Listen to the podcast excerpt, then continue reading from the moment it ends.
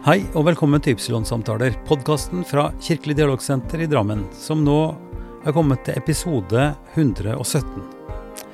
Navnet mitt er Ivar Flaten, og i denne episoden snakker jeg med Ronny Johnsen.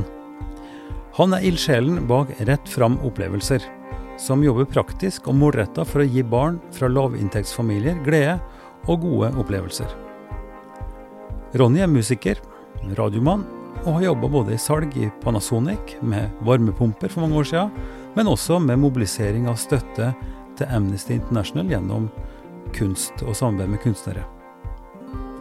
Han har alltid sett urettferdighet som en utfordring han må ta tak i, og bruker nå all sin tid for å gjøre livet lettere og bedre for barn og unge i Drammen. I dag har jeg vært så heldig å få Ronny Johnsen på besøk eh, i podkaststudioet mitt. Velkommen skal du være. Takk skal du ha.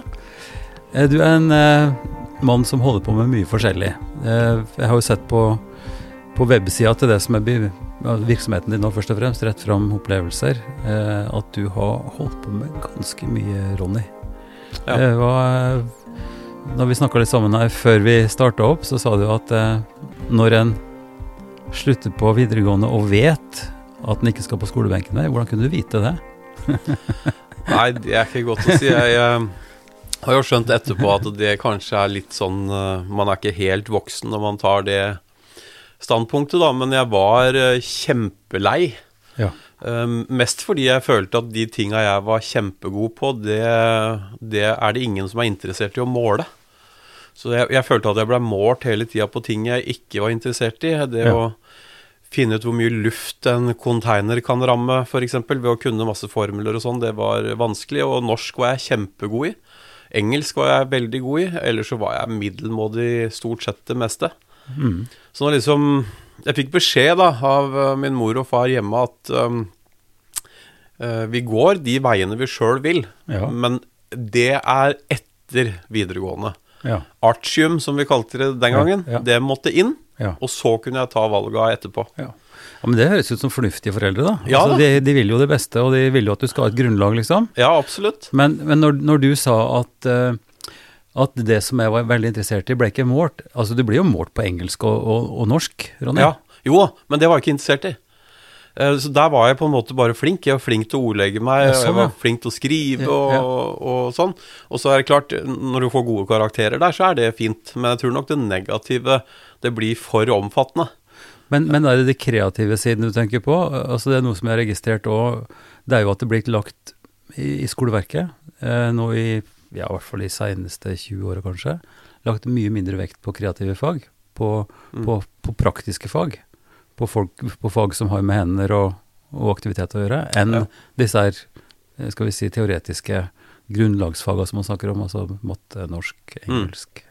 Og så eh, når, når, når, Hvis du tar én ting, da. Når du er kjempeopptatt av musikk, mm. er vokst opp med musikk, og du kjenner i hele kroppen at er det noe du kunne tenkt deg å holde på med, eh, så er det det. Mm. Så først så må du jo over den barrieren om at hele samfunnet syns at musikk er kjempefint. Mm. Og bestemor og bestefar òg, de sa at dette må jo du holde på med. Mm. Men de har en forventning om at det er på siden.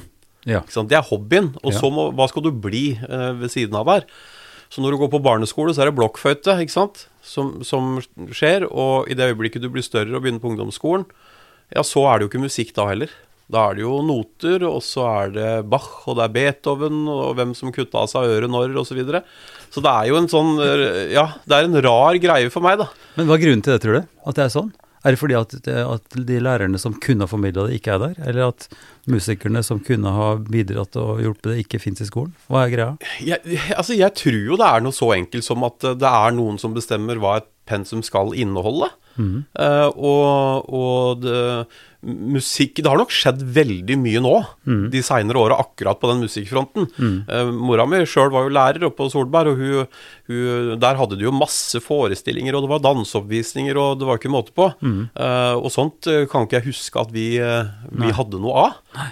Så det var litt mer sånn traust og vanskelig. Mm. Så det jeg egentlig fikk ut av musikk Riktignok så fikk jeg noen, da, som det het den gangen, nokså godt i musikk. Um, det var jo at jeg blei uh, vist 'Bridge Over Troubled Waters' av min musikklærer. Eh, så det var jo noe av det mest positive som kom ut. Han var helt besatt av det. Rinde heter han, nå kommer jeg på navnet nå. Ja. Han var helt besatt av den sangen uh, og de gutta. Og, Sønnen Garfunkel. ja. Hmm. Eh, Så der viste han meg jo litt eh, vei, da. Men det, det var jo ikke noe vi lærte om, det var noe han sjøl spilte av og til. For han Ja. trengte sikkert den lille pausa i hverdagen.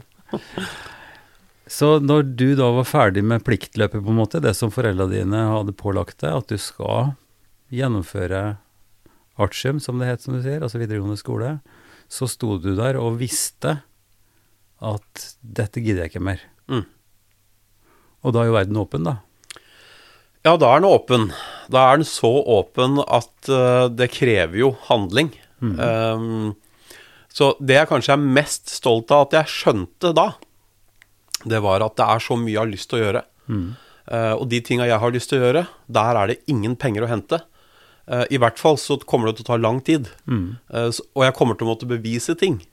Jeg kommer til å måtte imponere, jeg kommer til å måtte være flinkere enn andre. Men jeg skjønte at um, jeg kan ikke gjøre det uten å, å ha penger. Så jobbe, det måtte jeg. Eh, og akkurat det at jeg skjønte det, har nok eh, noe med bakgrunnen min å gjøre. At, Si litt om bakgrunnen din, foreldra dine og sånn. Solbergelva, sa du? Ja, nei, jeg er født og oppvokst i Drammen. Ja, ok. Selv om jeg har et veldig brunt hjerte, så, Ja. sånn fotballmessig, så er jeg født og oppvokst i Drammen. Um, og moren min Hilde og faren min Jack og ei søster som heter Lena. Uh, og jeg kan ikke forestille meg at jeg kunne hatt noe bedre oppvekst. Nei. Uh, det har vært uh, stort sett uh, veldig mye latter og en pappa som har klart å overbevise meg om at jeg kan gjøre det bedre enn alle. Så lenge jeg gjør det ordentlig og går inn med hjertet, har lyst og har et engasjement, og ikke tråkker på folk. I hva slags rammer var det du lærte dette? Det, Ja, det var i egentlig i alle rammer, kanskje bortsett fra fotball. Ja. der sa jo faren min til slutt, når jeg var 13 år, at det kanskje ikke er fotball jeg skal drive med. Og det var jeg også for så vidt fornøyd med. Men, men han var jo et godt eksempel, er at vi var på Tyrifjorden hotell, husker jeg, når jeg var liten gutt. Og jeg løper bort til et piano og begynner å hamre løs, selvfølgelig, for det syns jeg var moro. Eh, og så sier mora mi, Ronny, uh, det er andre folk her. Og så sier faren min, Hilde, la gutten spille. Uh, det er egentlig veldig godt forklart dems forhold, da. Ja. Han var uh, veldig hard på at vi skulle kunne utfolde oss og gjøre ting og være litt gærne og crazy. Og, og moren min syntes det var greit, men hun hadde noen regler. Uh, det er ganske interessant. Det jo, kan jo ofte være motsatt. At, Ja. at det er farsrollen som er liksom den som er litt Skal vi sette rammer og Ja. på ting ordentlig. Og det var det ikke hos meg. Nei, ikke sant? Men det er sånn good guy, bad guy i gode foreldreforhold, tenker jeg ofte. Ja, ja, At den, gir, den ene gir litt rom og, og sånn, og så må den andre Ja. For det er jo, det er jo viktig å ha noen grenser òg. Ja, det er eh, Jeg har sagt det før, at det hadde det ikke vært for eh, faren min, så hadde jeg aldri blitt som jeg er i dag. Eh, Og hadde det ikke vært for mora mi, så hadde jeg antageligvis blitt som han. Så sånn sett så har det vært Ja, for meg eh, fantastisk, da. Å ha den moren som på en måte eh, Ja, hadde de rammene, da. Ja. eh, Som kunne fortelle meg at sånn gjør vi ikke, eller Var de rammene på noen måte forankra i noe livssyn eller kristen forståelse eller noe kirkegang og sånne ting? Husker du noe om det? Nei, ikke noe, ikke noe aktiv kirkegang. Uh, men jeg har nok opplevd uh, Jeg har nok opplevd i familien at det det, det stilles veldig kritiske spørsmål til tro. Og når man har blitt eldre, så har jeg vel funnet ut at flere av dem har vel innrømt at det kanskje er eh, litt mer givende og spennende å snakke om det og diskutere om det enn det de har gitt uttrykk for. Det gjelder både besteforeldre og, og, og faren min spesielt. Eh, så det har vært litt sånn interessant å, å, å oppleve. Nei, for det er jo noe å åpne opp for, for det brede erfaringsrommet. Ja, som handler om at det fins og det, det skjer ting som en ikke har full styring på og vet så mye om, kanskje. Ja. Og, og at en har behov for rammer og seremonier og innpakking av viktige tider og steder osv. Så, videre. Så dette er jo, dette er jo mitt fag, eller altså kirka, og så være prest og, og lede begravelser og alt dette her, Mm. som viser at folk som kanskje i utgangspunktet i hvert fall ikke er, som du sier, veldig hyppige kirkegjengere og sånt, har både et ønske om og et behov for nettopp å, å være med i å nærme seg de spørsmåla, Mm. og syns at det er, er givende og, og viktig også. Ja. Men, eh, men ok, eh, så du hadde en far som sa 'kjør på', mor som sa 'kanskje skal du reive litt seil'. Ja. Eh, og så ser du jo på, på CV-en din, eller det som du har formidla, da, som jeg sa, at du har virkelig utvikla musikken. Mm. Eh, turnert mye, vært mye på veien med for å si det litt forsiktig, meget, meget habile musikere. Det betyr vel at du også ikke er så verst, antagelig? Nei da, det er utrolig nok. Så Eh, og, du, og du har jobba som journalist, eh, og det var der jeg husker som mer tydelig at, at vi møttes, at du, at du kom som journalist for, for Fremtiden, eller heter Dagsavisen da? ja, Dagsavisen Fremtiden. Ja, ja, ikke sant. Det har nå dessverre blitt bare Ja, den er jo fortsatt der, men den har veldig mye sentralt stoff, mindre i Drammen, da. Men det er en annen ting. Du var der fordi at eh, det handla om kultur, og jeg var ganske fersk prest, husker jeg, og, og snakka litt om Fjell kirke og hva vi hadde ambisjon om og, og sånn kirkelig. og Mm. ja, Så der møtte jeg deg. Men du har jo også jobba med, med, med radio, du jobba i, i Amnesty. Mm. Altså det er så utrolig mye. Jeg vet ikke hvor jeg, hodet og hale på dette her, men, men eh, var det musikken som kom først, liksom? Var det det du Altså, musikk og radio har jo alltid, alltid vært der som Mm. en sånn eh, Det har vært en så stor interesse at jeg har liksom eh, Alt jeg har gjort gjennom hele livet, så har det blitt implementert, da, Mm. på et eller annet vis. Mm. Um, men som jeg sa, det er jo ting som jeg visste jeg aldri kom til å leve av. Det var mest fordi at jeg alltid hadde hørt det. Mm. At det er fint å være musiker, men, men i Norge så har vi Ole Paus og Bjørn Eidsvåg, og så har vi et par-tre til, og ferdig med det. Mm. Jeg må jo si som parentes eh, sagt at broren min, Ingebrigt Håkerflaten, som, som er jazzbassist og, og innafor et ganske smalt segment i jazzen, kanskje, han var jo her nå, men han, eh, han lever jo på veien. Mm. Eh, og, og lever innenfor en smal nisje, og altså, det er på ingen måte noen kioskveltere han driver med. Men kan ikke gjøre noe annet, vil ikke noe annet. Nei. Musikken betyr alt, Mm. Uh, og han velger å leve relativt enkelt, da. Mm. Uh, så det fins jo Altså uh, det, det fins jo et stort utvalg av Eller mange, mange musikere i Norge som er ekstremt gode. Noen av de får jobb. Andre må jobbe som frilansere og jobbe mer usikkert. Mm. Og du sto i det valget, på en måte. Ja. Men du, du tok du ikke noen formell utdanning som musiker? Du var ikke gjennom noe høyskole eller noe sånt? Nå? Nei, Nei? ingenting. Uh, og ikke kan jeg noter. Uh, så, så for meg så har det jo på en måte gått på følelse og øre, da. Mm. Det jeg tror mange ikke forstår, er at det er ikke sikkert broren din ha, tar de valga som reelle valg. Jeg, jeg tror det handler mye om at når det bor så mye musikk, da, eller kultur, eller skuespiller for den saks skyld, inni deg, Ja. så er det ikke sånn at eh, du kommer til å bli lykkelig av å gjøre det som er forventa av deg. Nei.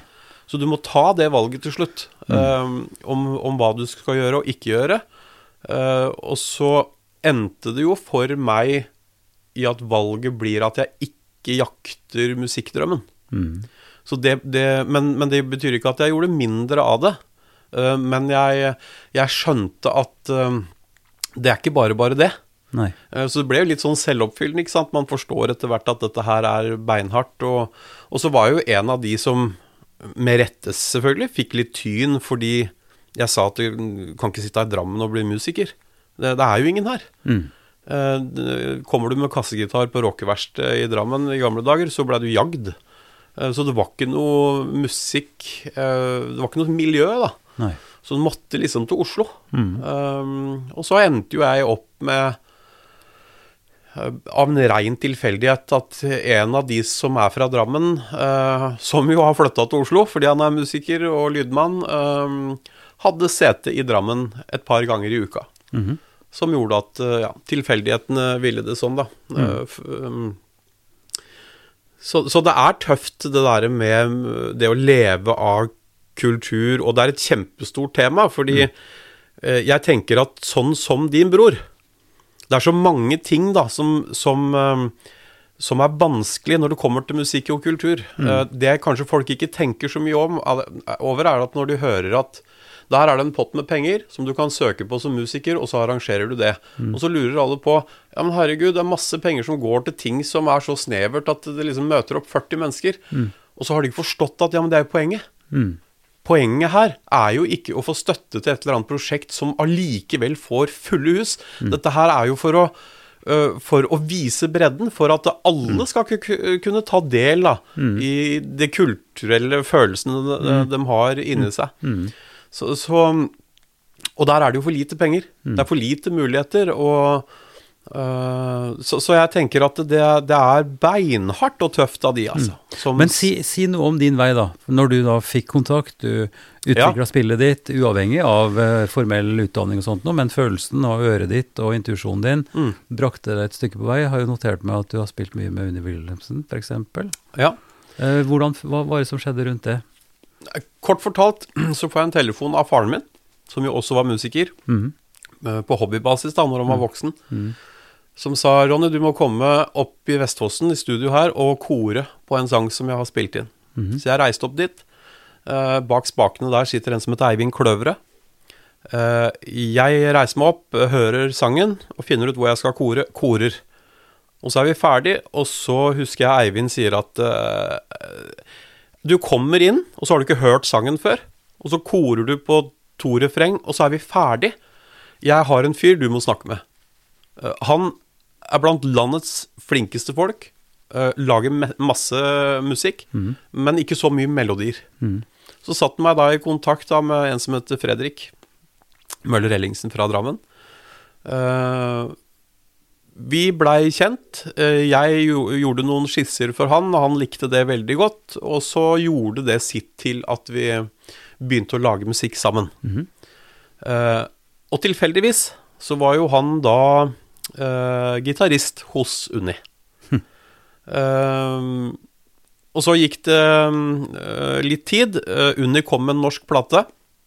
Jeg tok den hjem i studioet mitt, la inn alle sangene, og så kora jeg sånn som jeg hadde lyst til å kore. Og så sendte jeg den til Unni via Fredrik. Hørte ingenting. Som du jo ofte gjør, og tenker at dette går ikke.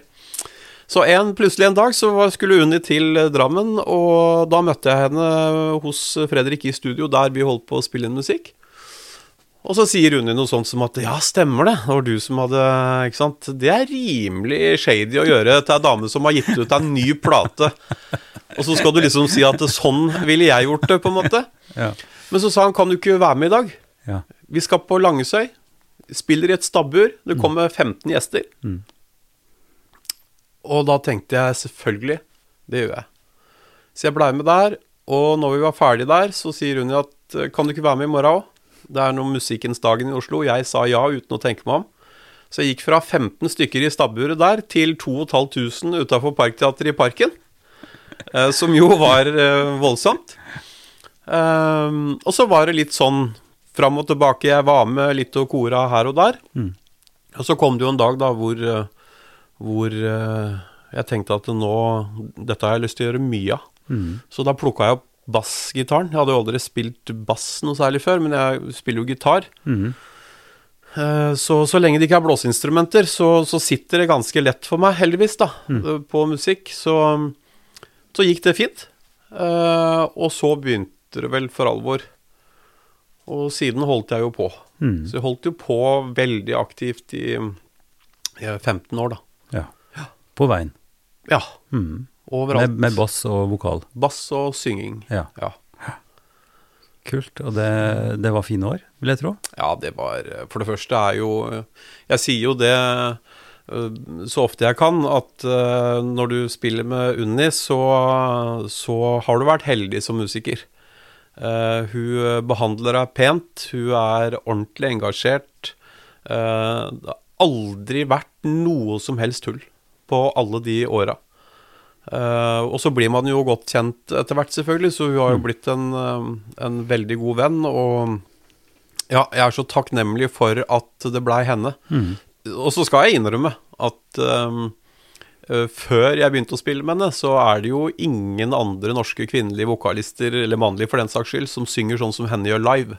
Så det å få ha reist rundt med henne i 15 år, det er litt sånn klype seg i armen, Ja, egentlig. Skal jeg være ærlig. Men hva er grunnen til at det slutta? Hva, hva, Nei, altså, det, det er jo sånn i musikk, man, har- man slutter jo ikke. nei. Uh, men vi hadde en jubileumskonsert på Rockefeller i fjor. Mm.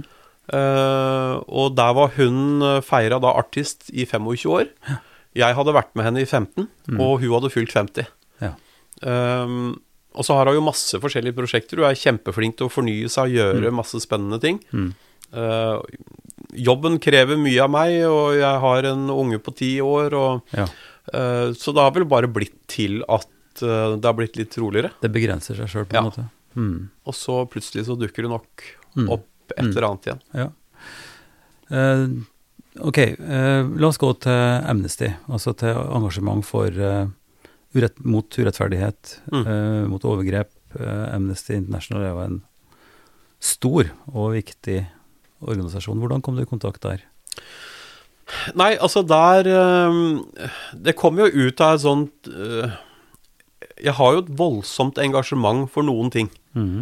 Eh, og noe av det aller verste jeg kan tenke meg i livet, det er urettferdighet. Så jeg har alltid vært veldig engasjert i når jeg føler at noen blir behandla urettferdig, om det er andre eller meg sjøl. Mhm. Uh, så blir jeg ganske knallhard. Da har du mye å ta tak i, da. Ja. Det, er, det, er mye, det er mye urettferdighet rundt omkring. Mye urettferdighet. Så da går du jeg liksom litt eh, gira opp eh, konstant, på en måte, eller? Eh, Ja, ikke konstant, men jeg blir sliten, ja. Ja. Ja. ja, ja. Det kan jeg forstå. Det er, og det er, det er så mye jeg eh, Det høres jo rart ut, dette her, da, men det er så mye jeg føler sjøl at det er så opplagt dumt at jeg forstår ikke hvorfor Hvorfor aksepterer vi det? Mm.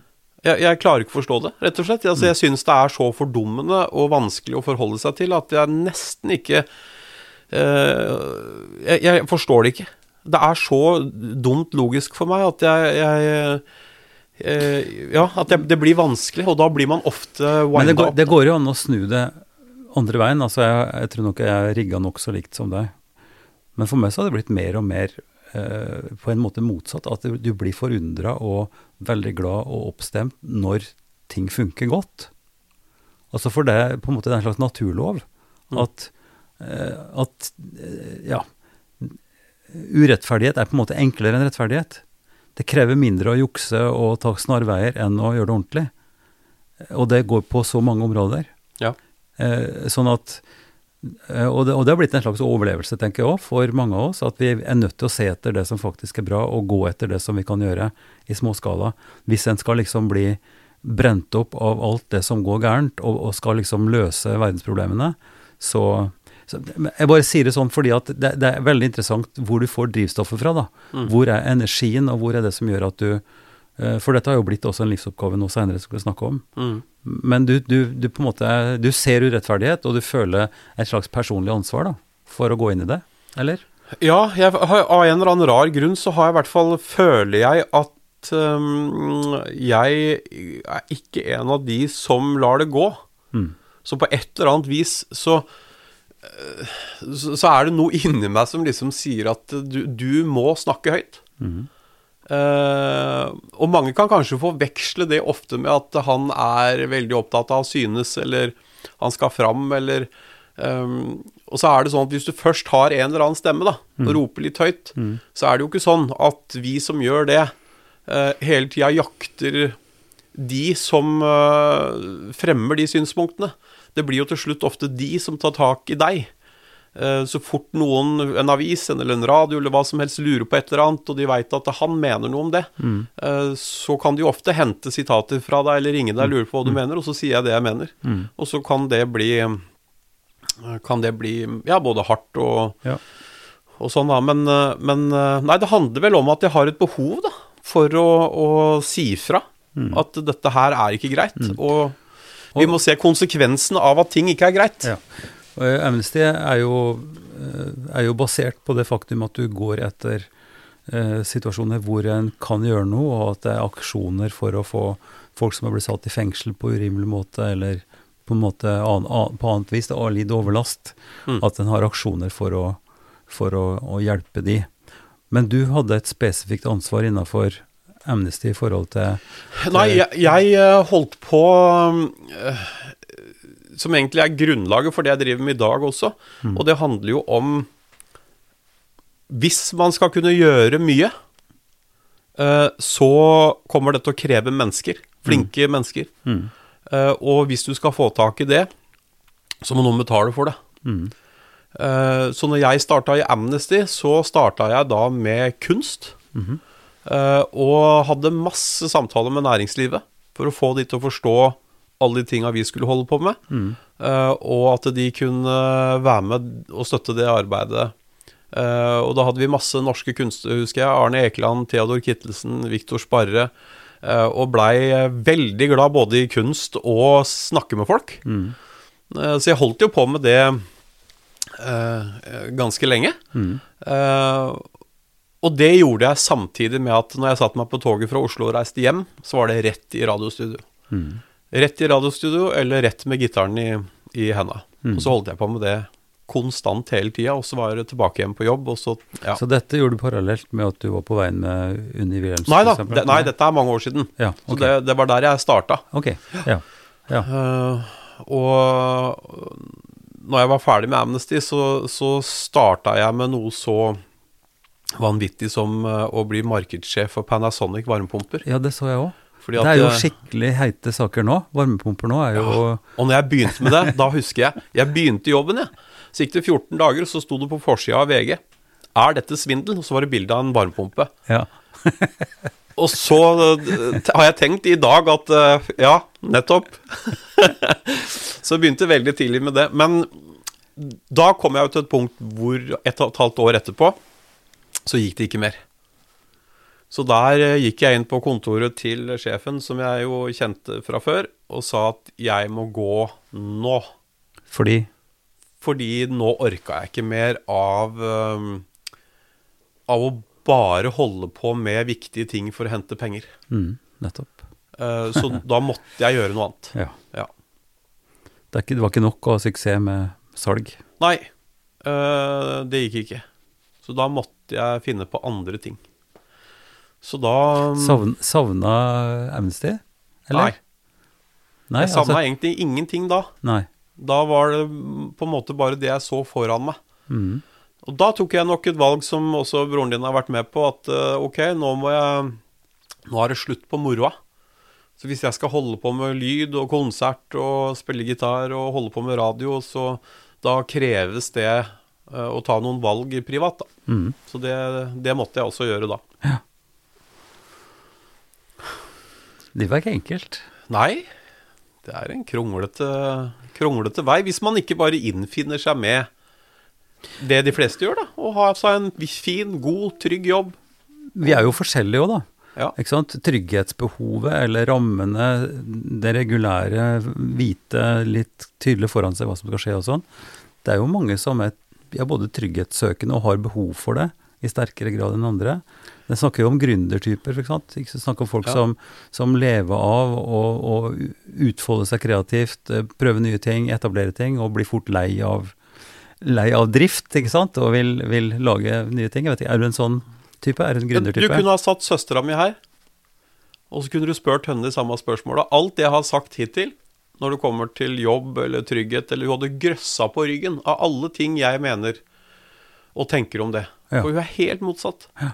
Det er ingenting som er viktigere for søstera mi enn trygge rammer, Mm. uh, ingen usikkerhet, uh, barn, Mm. bikkja, Mm. mann, rolige forhold, ferdig. Sagt på en hy hyggelig måte. Dette er søstera di, så dette er ikke noe Ja. du sier for å stemple, på en måte. Dette er Nei, nei, hennes type. Altså, det er hennes type, og hun er Ja. lykkelig med det. Ja. Ja. Og mange ganger så misunner jeg henne. ja. Jeg skulle ønske at jeg var sånn. Ja. Eh, Det hadde blitt mindre bekymring, og det hadde blitt sikkert helt sikkert roligere for folk rundt meg. Mm. Uh, og, men, men jeg veit at jeg, jeg klarer ikke det. Mm. det. Det går ikke for meg. Nei. Jeg må ha det friere. Jeg må få utløp for det jeg har inni meg. Mm. Så vi snakker om uh, ditt behov for kreativ utfoldelse, musikk, det å uttrykke det. Uh, vi snakker om at du har forstått at det må reises penger Snakka med kunstnere for å finne, finne, muligheter til å tjene penger til virksomheten i Amnesty. Og så, eh, også, også dette med, pan, med varmepumper. Ja. Jeg, så parentes bemerka igjen, da. Eh, for to år siden vel, så, så et, inspirert av min gode venn, dessverre avdøde eh, Dag, Dag Arne Roum, så satte jeg taket fullt av solcellepaneler. Ja. Eh, og det er smart nå. Mm. I sommer så har jeg tjent mer enn jeg har brukt på strøm. Ja. Eh, og Panasonic-pumper, varmepumper, det går vel nå som varmt hvetebrød. De som omsetter det, de får jo ikke gjort det. Altså, de har mer spørsmål enn de kan. Ja. Så det er jo et eller annet også da med, med å, å, forstå hvilken verden man er inne i, og også ta hensyn til det, som også har noe med rettferdighet å gjøre. Mm. Hvordan vi skal klare oss. Altså, Verdenssituasjonen ser ganske dyster ut. Hvis vi tar liksom geopolitisk og sant, med Kina, med Russland, krigen i Ukraina, eh, klima, klimakrisen Har sånne ting eh, vært et tema i, i, ditt liv? Altså Har du tenkt på sånne store ting, eller er det de, de mer nærliggende eh, tinga som du har sett med dine egne øyne, som har engasjert deg? Altså, jeg, er jo, en, jeg er jo uh, nerdete opptatt av nyheter både innenlands og utenlands, vil jeg mm. si. Mm. jeg følger jo alt eh, fordi det er en interesse, så jeg, jeg, er jo en av de som sitter live og hører på tre og en halv time med kommunestyret òg, f.eks., for fordi jeg vil ha med meg alt. Eh, så de store tinga Masse tanker om det. Mm. Og, og, mange fine diskusjoner med, med folk jeg kjenner. Mm. Um, og det er klart, nå som vi er i den situasjonen vi er i, eh, så er det jo eh, Både du og jeg har jo ikke opplevd den ustabiliteten Nei, som vi har nå. Vi har ikke det. Eh, så det er jo det er voldsomt mm. å ta inn over seg. Vi, vi, gikk jo inn i dette her med en voldsom klimakrise. Endte opp med pandemi, og nå er begge de tinga egentlig litt glemt. Og så er vi mer opptatt av de grusomme tinga som skjer. Mm. Um, og så er det vel kanskje sånn at jeg noen ganger litt sånn flåsete sier at uh, ja, Ukraina, nå kom det nærme nok til at vi syns det er vondt. Mm. Uh, for kanskje så syns jeg at hvis du ser på Myanmar, eller du ser på problemet i India med forsøpling, eller du ser på sultkatastrofer i Tahiti, eller ikke sant mm. uh, Soria Moria-leiren mm. Det er tusenvis av ting. Mm som vi aldri tar liksom inntil oss. Nei. Men Ukraina, da kom det nærme nok. Mm. Og nå er det vondt nok, og mm. det er uh, Ja, det forklarer vel det, Kanskje får man jo håpe da at det hvis vi klarer å løse dette her um, greiene som skjer nå uh, Og vi har jo, du nevnte jo Kina, vi, vi har jo et Nord-Korea òg der, som sitter og venter. Mm. Så, så, jeg tenker at um, vi får jo håpe at vi kommer ut av dette her og forstår at um, det spiller nesten ingen rolle hvor folk kommer fra. Hvis det er katastrofer og krig rundt omkring, så, så er det fordervende for menneskelivet. Mm. Mm. Men uh, det er litt av mitt poeng og min observasjon at de, det fins altså en uendelighet av urettferdighet, av katastrofer, av nedverdigende livsskjebner og korrupte regimer og overgrep. Altså, det, det er en sånn mengde og en sånn volum mm. på den erfaringa. Mens vi da, i, i, min levetid fra 55 og til nå har levd i en konstant opptur. Mm. Og, og, og, har en slags referanse til at normalitet, det er vekst i økonomien, det er mer velstand, det er trygghet, det er en overflod, vi kan reise hvor som helst, når som helst. Og har trodd at det har vært virkeligheten. Mm. Fordi vi lærer jo av det vi erfarer rundt oss, og det vi ser og det vi opplever. Det er liksom sånn livet er. Så det er en veldig, et veldig sprik imellom det som er den grusomme realiteten for veldig mange, og det som vi har opplevd. Og som du sier nå, kommer det kanskje tettere på. Men, men det spriket, da, eller den spagaten mellom de to livsopplevelsene eller erfaringene, eh, må jo gjøre at en tenker gjennom hva, er, hva kan da min rolle være? Er det så mye dritt og elendighet at det er bare å gi opp? Altså vi må bare holde på med vårt og tenke at det er godt nok, og ikke bry oss så mye. Eh, altså, hvor fins eh, den gode livsimpulsen, da, eller motivasjonen for å leve et liv og, og, en virksomhet som betyr noe positivt, og at vi kan tro at det betyr noe positivt i en større sammenheng også, ikke bare for oss sjøl og, og, barnebarna. Mm. Ikke sant? Og, og, der tenker jeg jo det er veldig, veldig interessant å høre det du har jobba med nå de, de siste åra, med, med rett fram-opplevelser, og der du virkelig har tatt tak i, i noe som er et stort problem, og et globalt problem, men som også har veldig sterkt nedslag i, i vårt eget lokalsamfunn. Mm. Kan ikke du si litt om hvordan dette starta, og, og hva, hva, du tenker rundt dette? Ja, altså det store engasjementet for barn og unges oppvekstvilkår, det starta jo med min egen opplevelse hjemmefra. Uh, som jeg sa helt i starten, så har jeg jo hatt en fantastisk eh, barndom. Mm. På alle mulige måter.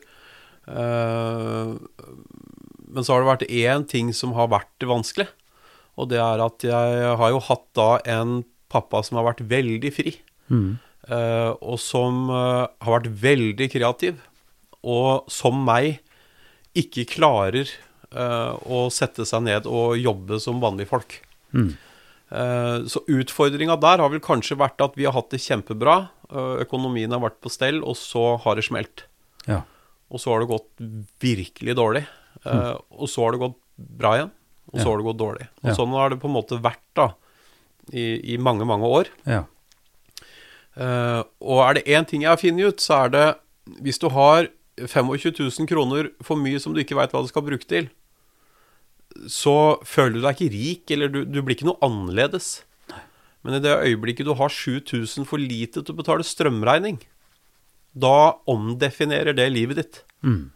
For hvis du ikke betaler den, så stenger den strømmen.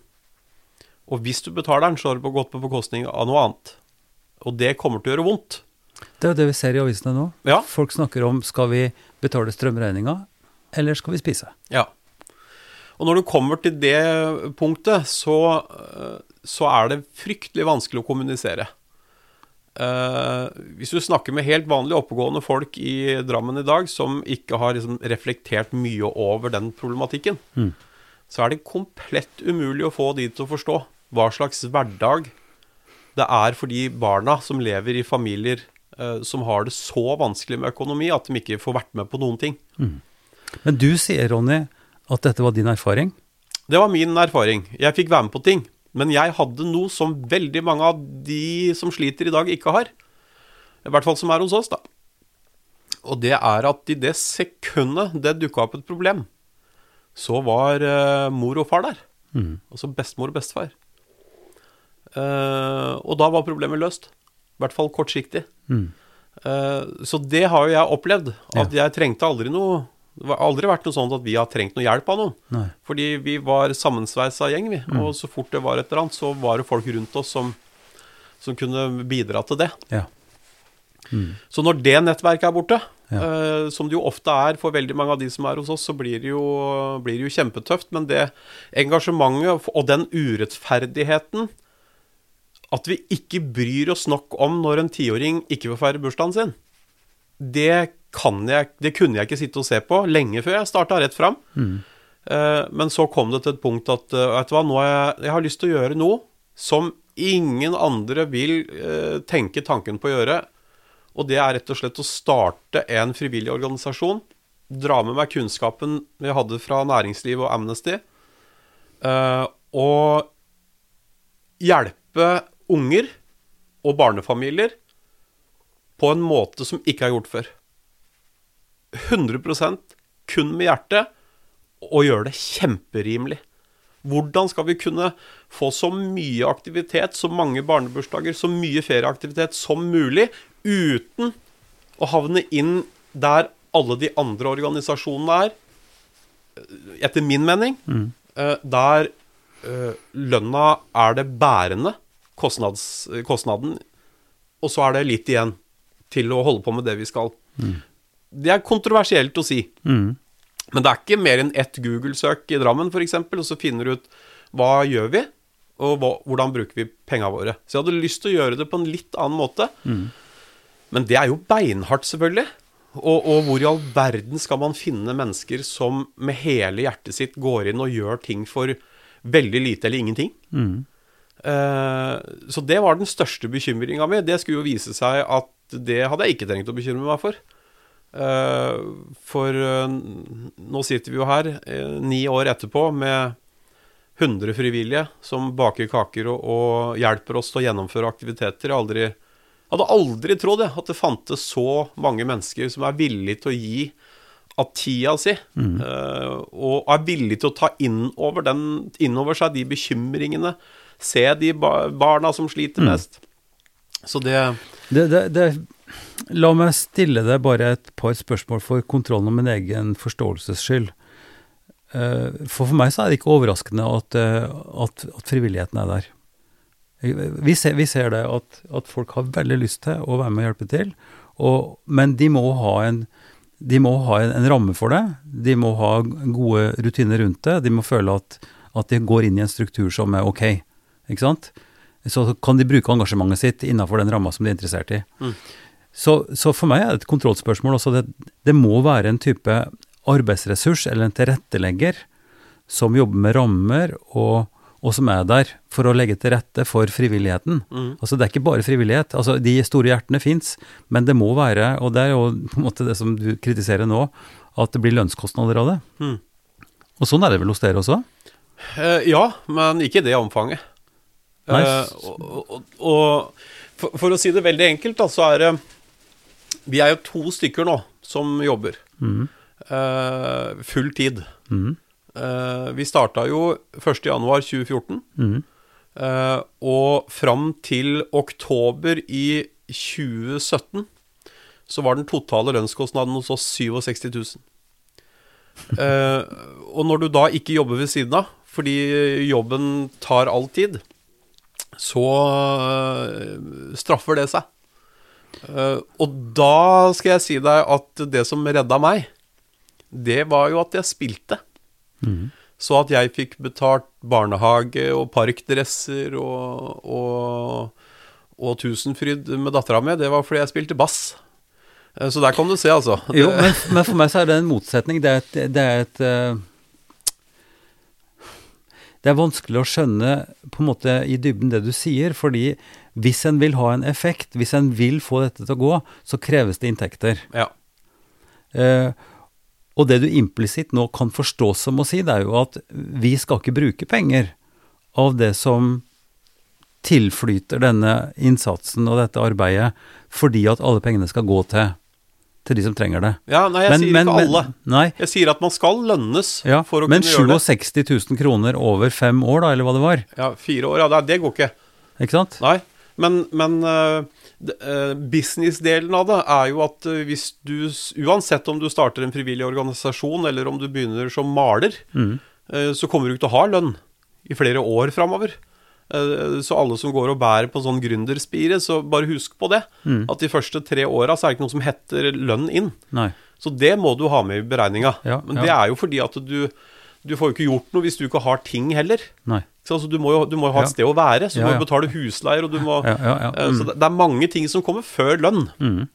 Eh, Men det er klart, hvis du skal fortsette med det, og hvis du skal bygge det opp, Ja. så er det jo klart at eh, jeg Jeg må jo spise. Mm. Jeg må bo. Jeg må gjøre det alle andre må. Så jeg snakker ikke ned lønnskostnaden. Nei. Men jeg tenker at vi kunne gjort det på en litt annen måte. Mm. Og så hadde, hadde vi ikke Det hadde ikke trengt å vært så dyrt som det ofte er. Nei.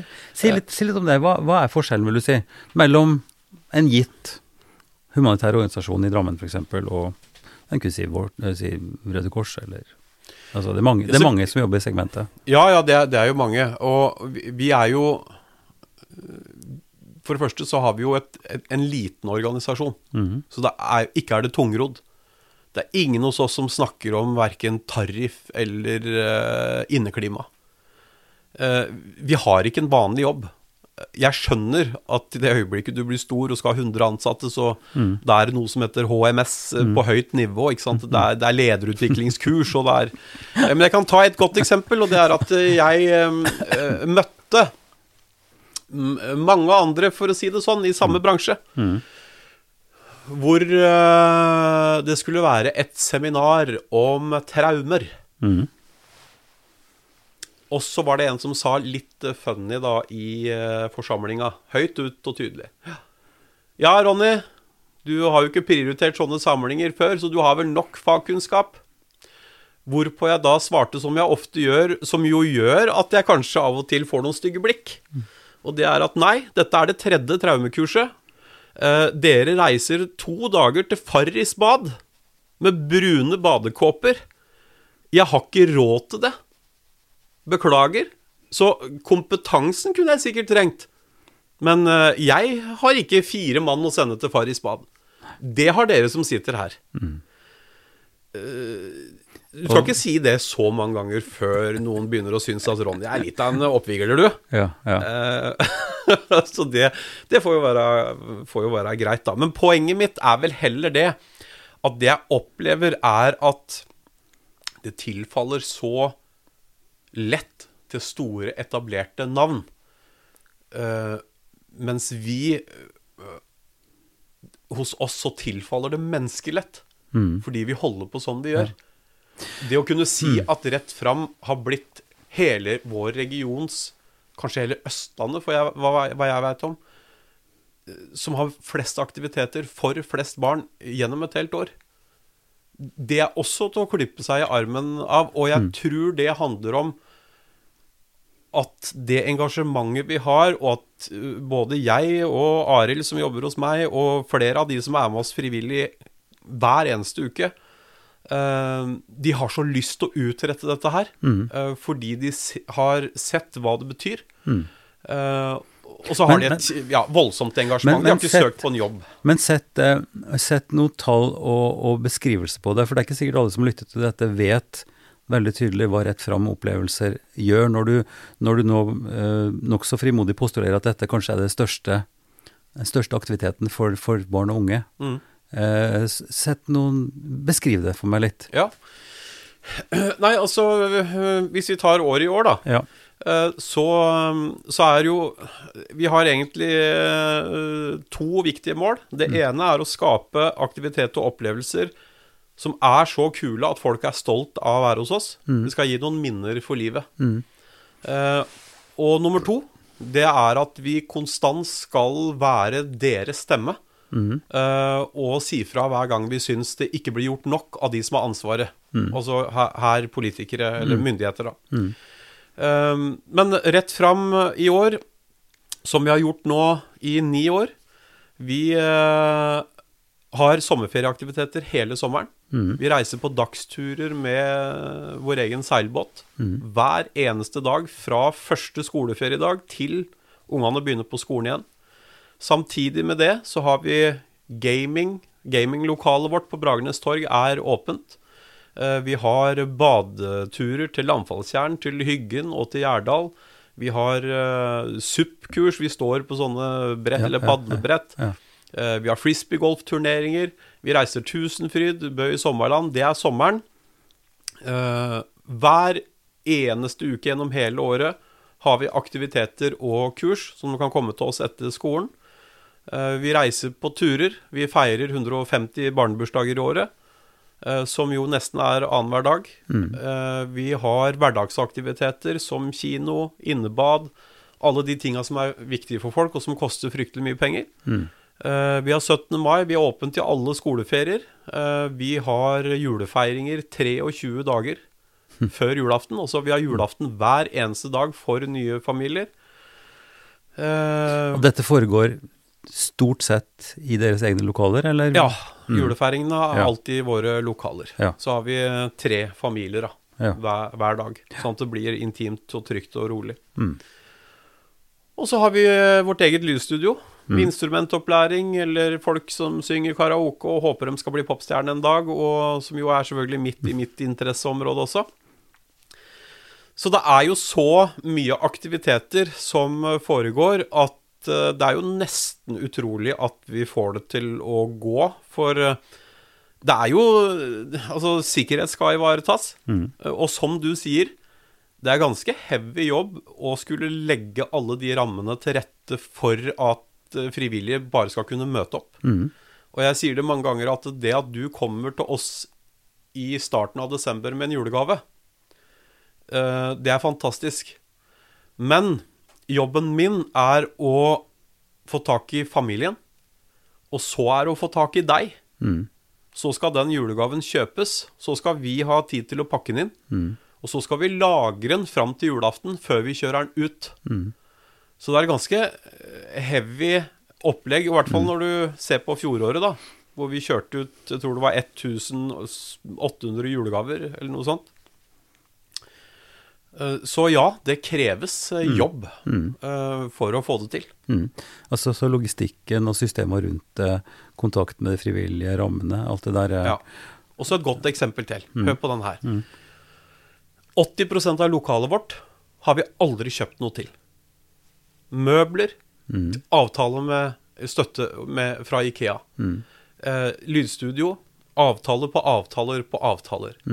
Eh, julefeiringer. Vi må ha et sted å pakke, lage julegaver. Vi har støttespillere. Brekke Eiendom f.eks. Hjelper oss med et lokale. Får et lagerlokale i 14 dager i desember. Så vi er, vi er så harde på det der å ikke bruke en eneste krone på der vi kan slippe. Ja, ja. Mm. Så vi sier jo alltid at vi, vi bruker liksom krona to ganger. Vi bruker den først, og så eh, henter vi den litt inn igjen før vi bruker den en gang til. Uh, og det jeg mener, er at når du blir svær nok, og du trenger det lokalet, så er det lokalet der. Sånn er det ikke helt for oss. Vi må, ha, vi må jobbe ganske mye for, å, for å få det til. Så det er jo synd på noen av de rundt meg. Det skal jeg innrømme. Det er, eh, det er mange telefoner på lørdagskveld hvor noen må komme og fikse noe. Eller Ja. en må reise fra Stovner for å hjelpe meg. ja. Ja. Det er fascinerende. Eh, og så kan jeg heller ikke liksom unngå å tenke at eh, det er jo ikke nødvendig å på en måte å spissformulere eller lage konflikt imellom. Altså det er, for å si det litt flåsete, det er nok nød for alle. Mm. Eh, og, og det er jo flere organisasjoner som jobber med, med de samme segmentet og på veldig, veldig bra vis. Ja. Og det er mye samarbeid Ja, eh, rundt det. Så, så det er jo Altså den, den egenskapen du har da, til å si ting på en måte som oppfattes som litt cocky, kanskje, og litt sånn konfronterende, eh, betyr jo ikke, høres det ut som, at du da er i, på en måte i Verken i konflikt eller i motsetning til de andre. Nei. Eh, Vi, eh, vi har hatt masse godt samarbeid mm. med flere. Eh, og det er absolutt ikke for å si noe gærent om dem. Altså, frivilligheten i Drammen, eh, ja, den er kanskje en av de beste vi har i landet. Eh, og det har nok ingenting med de som eh, har ansvaret i kommunen her. Uh, det handler om folka som jobber der. Så det jeg kanskje syns, er at vi kunne blitt enda flinkere til å samarbeide. Eh, sammen, alle sammen. For å liksom på en måte maksimere hva en unge kunne fått dra nytte av, da. Ja. Eh, men det er ikke så lett eh, det heller bestandig. Men, eh, men ja. En har forskjellige roller, og, og det fins Det er forskjellige budsjetter, og det er, det er forskjellige strukturer og sånn. Noe av det som en kunne ønska seg, det er jo dette aktivitetskortet, eller altså det, det, det har jo vært lagt ressurser inn eh, til at ung, ungdom kan få et, et kort som gir rabatt eller gratis tilgang til ting. Eh, det er vel kutta ned på nå, så vidt jeg har forstått. ja, det er borte. Ja. Ja. Ehm, og så var, Jeg hadde nettopp et foredrag for et par dager siden hvor noen spurte om det, og så sa at ja, heldigvis så er det borte. Ja. Da lurer man på hvorfor i all verden skal jeg mene at det er heldigvis. Ja. Ja. Jeg mener ikke det, Nei. egentlig. Nei. Men det som overrasker meg, og som jeg ikke skjønner Nå er vi inne på logikk igjen. Mm. Hvorfor er det sånn at vi i Norge vi har en sånn oppfattelse om at det eneste måten å være rettferdig på, er å behandle alle likt? Den eneste måten vi kan rett, være rettferdige på, det er å behandle folk ulikt. Ja. Uh, og det er sånn for meg at, at vi ikke forstår det, det, det skjønner jeg ikke. Og når jeg, når jeg sier at vi må behandle folk ulikt, så da kan vi ta det aktivitetskortet. Hvorfor gjelder det aktivitetskortet for alle? Når eh, rapporten kom etter aktivitetskortet, så viser det seg at 79% av de som brukte det kortet, hadde ingen behov for økonomisk hjelp. Nei. Så hvorfor lager vi en universell ordning av det? Og det beste argumentet en politiker da har, det er at ja, men vi vil ikke, vi vil ikke gjøre kortet stigmatiserende. Det skal ikke være flaut å liksom si at hei, altså alle skal kunne gjøre og, og det er du da villig til å kaste 1,3 av 2 milliarder ut av vinduet på. Sånt forstår ikke jeg noen ting av. Så jeg skulle veldig gjerne hatt det aktivitetskortet, mm. men det skulle jo vært til de barna som ikke får være med på noen ting. Mm. Det skulle jo ikke gått til ungene dine, eller mine, eller hvem det måtte være som, som, det er greit for. Det må jo gå til de som trenger det, og at vi ikke forstår det. Den mm. enkleste lille ting. Mm. Nei, det er helt øh, Det er sjokkerende for meg, rett og slett. Blir... Men dette, dette, er jo en, øh, på en måte en, en, beskjed eller en impuls som, som politikerne må ha og ja. få. Ikke sant? Det å få hjelp til Og, og politikerne trenger hjelp til mye. De, ja. er, de er, sånn som meg og deg, og de forstår begrensa, og de er pressa på alle kanter. Og vi har jo et valg som kommer om ikke så altfor lenge. Mm.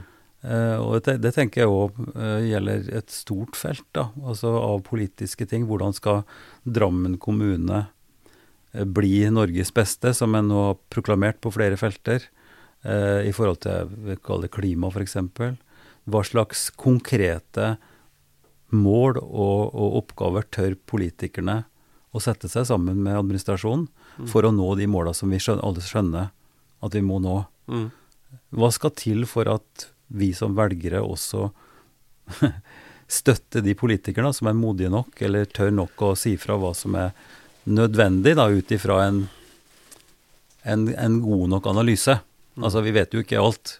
Vi, vi, er ikke perfekte. Men vi vet nok til å, å se at, uh, at vi er ikke helt på rett kjøl her, altså. Men vi er jo ikke ærlige. Vi snakker jo ikke sant. Eh, og så setter vi jo målsettinger som er umulig å nå. Uh, jeg skjønner at Statens, Statens vegvesen har en om, målsetting om, null drepte i trafikken. Alle skjønner at det kommer aldri til å skje. Um, Tønsberg nå så har man et nytt slagord 'Der barn ler'. Jeg spurte en politiker hva er ungene ler av her i Tønsberg. Hva ler de 900 barna som bor i området ditt her? Jeg, jeg skjønner ikke at Drammen skal bli best i landet på hva? Kan vi ikke i hvert fall starte med å ikke være verst i landet på barnefattigdom, f.eks.? Så jeg tror du må ha, du må ha en realitets... Altså Målsettinga di, det må være oppnåelig for folk å forstå. Uh, vi, når, når, når, vi i Norge i disse tider snakker om strøm, så er det ingen politikere som tør å si at kanskje vi burde hatt noen regler for hva vi bruker strømmen på, eller når. Men det er ingen som tør å si. Det vi snakker om i Norge, det er hvorfor får vi ikke strømstøtte på hytta? Mm. Så, så, som du sa i stad, vi lever i en verden som ikke er Den er ikke kompatibel med der ute. Nei. Vi tror at uh, Vi tror at det å, å, passere lampeland og bruke telefonen vår og skru på så hytta er varm når vi kommer opp, at det er en eller annen form for menneskerett uh, vi har. Uh, så, så, det syns jeg er vanskelig. Og så og så tenker jeg at samtidig så må vi, vi, må, vi må tørre å si litt det vi, det vi mener. Mm. Men vi lar oss svelge av det vi føler er majoriteten. Eh, og da føler jeg at det ofte kan eh, gå gærent. Hvis vi, hvis vi skalerer ned til å snakke om Drammen, da. Ut ifra den tanken som jeg sa til å begynne med, at, at vi er ansvarlig for vårt nærmeste. Mm. Vi er ansvarlige for vårt eget liv og for egen familie og prøver å gjøre så godt vi kan der, men er også ansvarlige i en større målestokk for fellesskapet. Og hvordan sette de måla, hvordan få politikere eller, eller velge folk, eller, eller, ha et system som snakker sant, mm. og som kan snakke sammen, ikke minst. Som politikere, som ansvarlige tillitsfolk for, for byen, for å dra oss i riktig retning. Handler det om å Er sannhetskriteriet noe, for, noe som handler om å, å se det samme? Altså bli enige om hvordan ting er? Jeg, jeg tror, er det så ille som det? Altså, det er, det er jo vanskelig å si. Og så er det jo Jeg kan ikke sitte og si at folk uh, er uærlige i hensiktene sine hele tida, men jeg føler heller det at vi driver og pakker det inn. Vi driver og gjemmer det bort. Uh, ikke sant? Vi, vi, tar du næringslivet som, som, gjør et eller annet forferdelig dumt og gærent, og alt er vondt og fælt, og, og, og syv stykker må gå, så er svaret at man legger seg flat og skal ta læring. Mm. Så det er, noe, det er, ikke noe, substans i noe som helst. Det, det, er ikke noe Vi har jo hatt det nå når det kommer til myndigheter og politikere òg, ikke sant, med, med, pendlerboliger eller hva det måtte være. Eh, jeg skulle bare ønske at noen jeg, jeg tror vi hadde hatt noe å tjene på, da. At en eller annen reiste seg opp og sa at vet du hva, det går ikke an sånn jeg har holdt på. Vet du hva, jeg, jeg, Dette skjønner jeg. jeg. Av en eller annen grunn. Jeg gjorde det samme som folk har gjort her i 20 år, for jeg trodde at det var greit, men, men ærlig talt, jeg skjønner at det er gærent. Så jeg skal rette opp i det, og så er det opp til deg til slutt å velge om du gir meg tilliten verdig eller ikke. Mm. Men jeg bare føler at vi har, vi har ikke den. Eh, jeg tenker som så at istedenfor å bruke liksom halvannet år på å sno seg unna kunne ikke én politiker i Drammen sagt at veit du hva? Åskollen ungdomsskole blir ikke noe av. Hvorfor? Det er ikke penger. Det kommer ikke til å være mulig å få det inn i budsjettet. Vi må løse det på en annen måte. Og hvis du ikke aksepterer det, eh, da får du stemme på noen andre, eller du får gjøre noe annet. Men eh, jeg sier at eh, Jeg sier nei til det. Det går ikke. Mm. Bybru, ja eller nei. Mm. Så må vi forklare Rådmannen er kanskje den flinkeste til det. Mm. Sier at vi må stenge mm. der. Mm. Og så blir det men jeg tror at eh, de som på en måte står høyest på meningene sine og virkelig mener, eh, de har jo en tendens til å si det de mener, og så kan det jo hende at noen ganger så så En av de politikerne i Norge i den nyere tid da, som kanskje har vært mest kjent for det, er jo Carl I. Hagen. Mm. Som jo ikke har filter, mm. og sier, sier, det han mener. Så det er jo ikke bestandig at alt er Nei, en, en, ting er å ha sterke meninger og, og, og ytre de, og, og basere de på en god analyse, og være ærlig, som du sier. da. Mm. Men det andre er jo at en òg har et kollektivt ansvar, hvis en tenker på et bystyre eller en gruppe politikere som er valgt inn på vegne av en befolkning, at de snakker sammen på en måte som er konstruktiv og som fører til løsninger. At en ikke skal ri kjepphester, sånn som en ser i sosiale medier og i på en måte en type debattkultur, der det ikke er interessant å finne løsning, men det er å få fram sitt eget synspunkt. Mm. Og det er jo et savn og en, en slags eh, appell kanskje som vi kan runde av her med, og si at eh, både når det gjelder barnefattigdom og, og arbeidet med rett fram opplevelser, og det som vi ellers driver med av frivillighet, har jo som mål at verden skal bli et bedre sted her hvor vi har en viss innflytelse, mm. og at politikere òg Eh, naturligvis, jeg har så mye respekt for politikere. Det er en jobb som krever veldig veldig mye. Men at de også kunne få mer støtte på at de må finne fellesløsninger, sjøl om en ikke får sitt optimale syn igjennom. Mm. For å ri kjepphestene sine helt ut og si at nei, hvis ikke jeg får det sånn, så gidder jeg ikke. Det går jo ikke heller. Nei. Så da kan jeg egentlig dra slutninga fra, fra sommeren hvor jeg fikk besøk av TV 2 når vi var på Landfallstjern. Siden 1997, hvor vi for første gang tok tak i barnefattigdom. Da hadde vi 30 000 barn. Eh, hvor regjeringa den gangen sa at dette kan vi ikke være bekjent av. Mm. 20 eh, utvalg seinere, eller 22 utvalg, eller hvor mange det nå har vært, som har prøvd å finne ut av hvorfor havner vi der, og hva kan vi gjøre best for dem, så kom Kjærkol nå med en banebrytende nyhet i sommer om at nå var det satt ned et ekspertutvalg på hvilken gang mm. Eh, som skulle se på hva er det disse familiene trenger. Mens de voksne holder på sånn, så har jeg og Arild og de frivillige hos meg, så har vi funnet ut av at mens dem holder på, så må noen feire barnebursdag for den tiåringen. Uh, og så får de voksne drive og krangle på sida, og så skal jeg av og til være med og krangle litt uh, der. Uh, men noen må feire barnebursdag. Nå, nå, går det ikke lenger. Og grunnen til at vi gjør det, er fordi at hvis du i Drammen aleine har 3500 barn som opplever oppveksten sin som uverdig, så blir det ikke 3500 kule ungdommer av det. Og det blir heller ikke 3500 ungdommer som går ut av skole. Og det blir heller ikke 3500 mennesker som tar seg en vettug jobb eller gjør noe lurt med livet sitt. Eh, de aller fleste kommer seg nok på et eller annet vis av gårde. Mm. Men sannsynligheten er 70% større for den gruppa at de havner i det samme sporet som mora og faren sin, hvis ingen får dem ut derfra. Mm.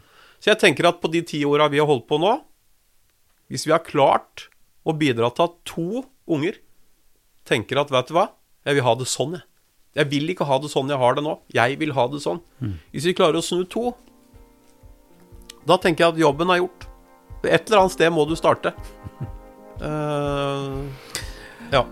Ronny Johnsen, eh, takk for samtalen. Eh, lykke til videre med det store engasjementet ditt. Eh, så får vi stå sammen fra forskjellige steder og slåss for det som er rett og rettferdig, sjøl om det kan se nokså svart ut noen ganger. Helt enig. Takk for at jeg fikk komme. Du har nå hørt episode 117 av Ypsilon-samtaler. Det er fint at du er interessert i samtalene, og vi anbefaler òg at du kan gå inn på www.ypsilonsamtaler.no for å få oversikten over alle samtaler i serien.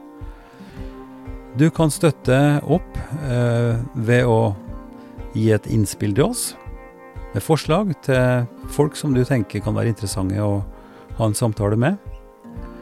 Eh, vi er også veldig glad for den støtten vi faktisk får fra Drammen kommune, fra Einar Juels legat og fra Barne- og familiedepartementet.